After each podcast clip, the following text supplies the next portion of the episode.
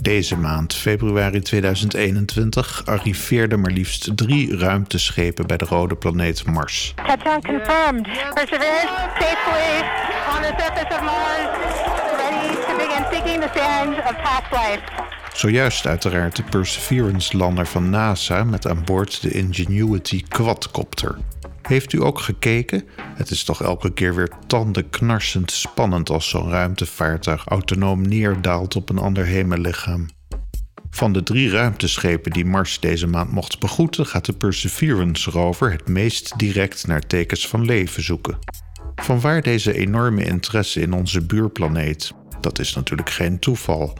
Mars is de enige planeet waar we voorlopig met wat kunst en vliegwerk naartoe kunnen verhuizen.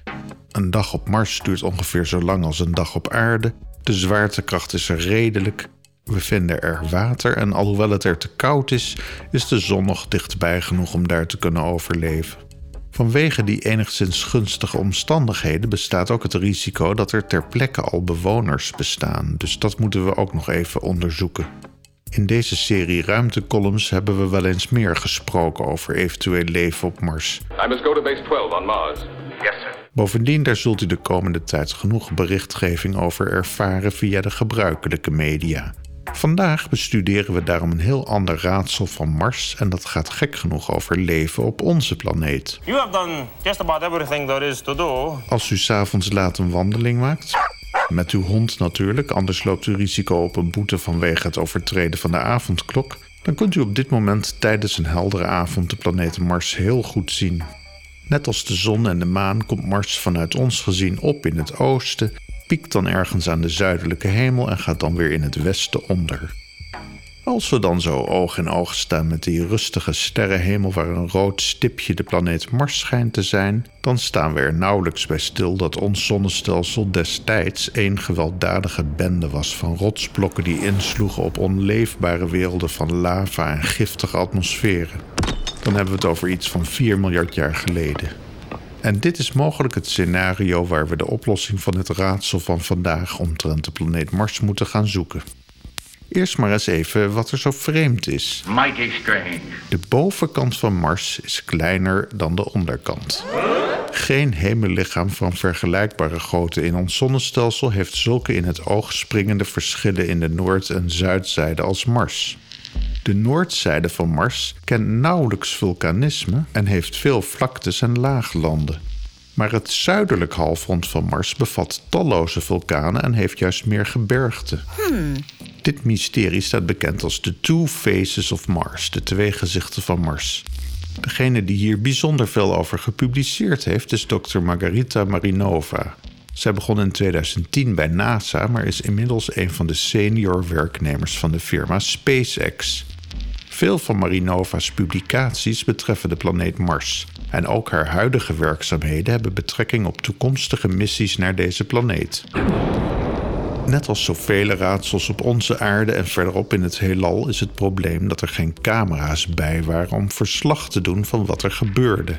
De heersende theorie was, en is trouwens nog steeds, dat iets op Mars moet zijn ingeslagen. Daarbij zou dan een groot deel van de planeet weggeslingerd zijn. Huppakee, het heelal in. Maar wetenschappers vonden deze hypothese problematisch, om diverse redenen. De inslag moet gigantisch geweest zijn. We hebben het hier niet over een kiezelsteentje. Nee, een dreun die een groot deel van het noordelijk halfrond verwijdert. Vermoed werd dat de afdruk hiervan groot en cirkelvormig zou zijn, maar de gevonden tweedeling is meer gescheiden door een elliptische ring. Ook is er geen echte kraterrand aanwijsbaar, iets wat we op aarde bij grote inslagen toch vaak waarnemen. En ook zou een grote inslag tijdens die prille dagen van ons zonnestelsel zichzelf moeten hebben gewist door de grote hoeveelheid magma die bij zo'n gebeurtenis tevoorschijn zou zijn gekomen. Dus er worden ook alternatieve theorieën aangedragen. Bijvoorbeeld dat het noordelijk halfrond van Mars door een veelvoud van inslagen is geworden wat het vandaag is. Of dat het vreemde verschil helemaal niet is ontstaan door inslagen. Een team van wetenschappers, waaronder Margarita Marinova, liet tal van scenario's doorrekenen op computers en kwam uit op een mogelijke impact die de huidige vorm van Mars zou verklaren. Een rotsblok tussen de 1600 en 2700 kilometer breed zou onder een hoek van 30 tot 60 graden Mars kunnen hebben geraakt met een snelheid van tussen de 6 en 10 kilometer per seconde. Een vergelijkbaar resultaat werd in 2015 gepubliceerd door wetenschappers van de ETH in Zurich. Dus, einde verhaal? Als dit alles is, dan zou dit een nog saaiere column dan anders zijn. Dikke steen, knal, vorm. Maar er is nog een theorie en die zegt dat het aardse leven mogelijk gebracht is door een meteoriet van Mars. Hens, ik twijfel hieraan. Dat laatste is geen fictie. Er zijn meteorieten op aarde gevonden die ontegenzeggelijk van Mars afkomstig zijn. U kunt ze zelfs online kopen. En die inslag waar we het over hebben, daarbij is natuurlijk heel wat gesteente weggeslingerd van Mars richting andere planeten zoals onze aarde. Maar wat zou er voor reden zijn om aan te nemen dat het aardse leven van Mars afkomstig is? I don't know. Volgens wetenschapper Steven Banner van het Westheimer Institute of Science and Technology in Gainesville, Florida, had planeet Aarde destijds niet de gunstigste omstandigheden om leven te laten ontstaan.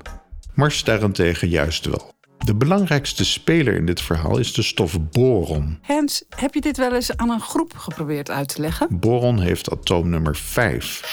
Deze stof ontstaat onder invloed van kosmische straling en in supernova-explosies. Een van de theorieën die stelt dat al het leven ontstaan is vanuit chemie, ook wel abiogenesis genoemd, gaat ervan uit dat het aardse leven begon in een zogenaamde RNA-wereld. Dat is een plaats waar moleculen wel kunnen kopiëren, kopiëren, kopiëren, maar waar nog geen sprake is van DNA of eiwitten. En u raadt het al, om RNA te maken hebben we boron nodig. Veel boron. Volgens Steven Banner was er te weinig boron op aarde en meer dan genoeg op Mars. Nu is het natuurlijk maar de vraag wat er dan van Mars naar aarde is geslingerd als deze theorie überhaupt al klopt. Alleen maar stenen met boron of brokstukken van RNA of misschien zelfs voorbodes van aardsleven? Eén ding is zeker: de Perseverance rover, die zojuist heel goed geland is, gaat de komende tijd op zoek naar tekens van leven. Dit karretje is drie keer sneller dan Curiosity en kan dus grotere afstanden afleggen, gesteund nog door een rondvliegende quadcopter. Meer dan genoeg reden om enthousiast te zijn over de ruimtevaart en wetenschap. Tot volgende keer.